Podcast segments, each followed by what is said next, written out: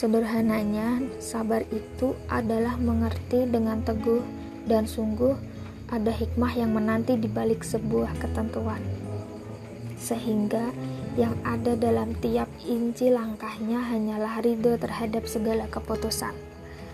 Sabar itu berarti juga menyadari bahwa menerima merupakan pilihan yang terbaik setelah adanya ujian, bukan malah mencaci dan mengumpat sang pemilik kehidupan.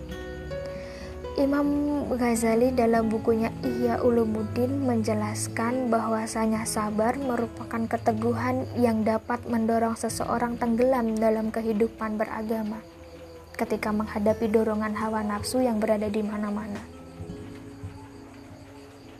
Sabar menumbuhkan sifat-sifat kemalaikatan yang kebal dan jauh dari rorongan hasrat duniawi yang menghapuskan sifat kebinatangan yang identik dengan nafsu birahi. Banyak orang yang mampu bersabar dalam kesengsaraan, akan tetapi sangat sedikit yang mampu bersabar dalam kesenangan dan kenikmatan. Kekayaan, kesejahteraan, kesehatan, jabatan, dan kedudukan merupakan kesenangan yang amat sangat diinginkan oleh nafsu kebanyakan manusia.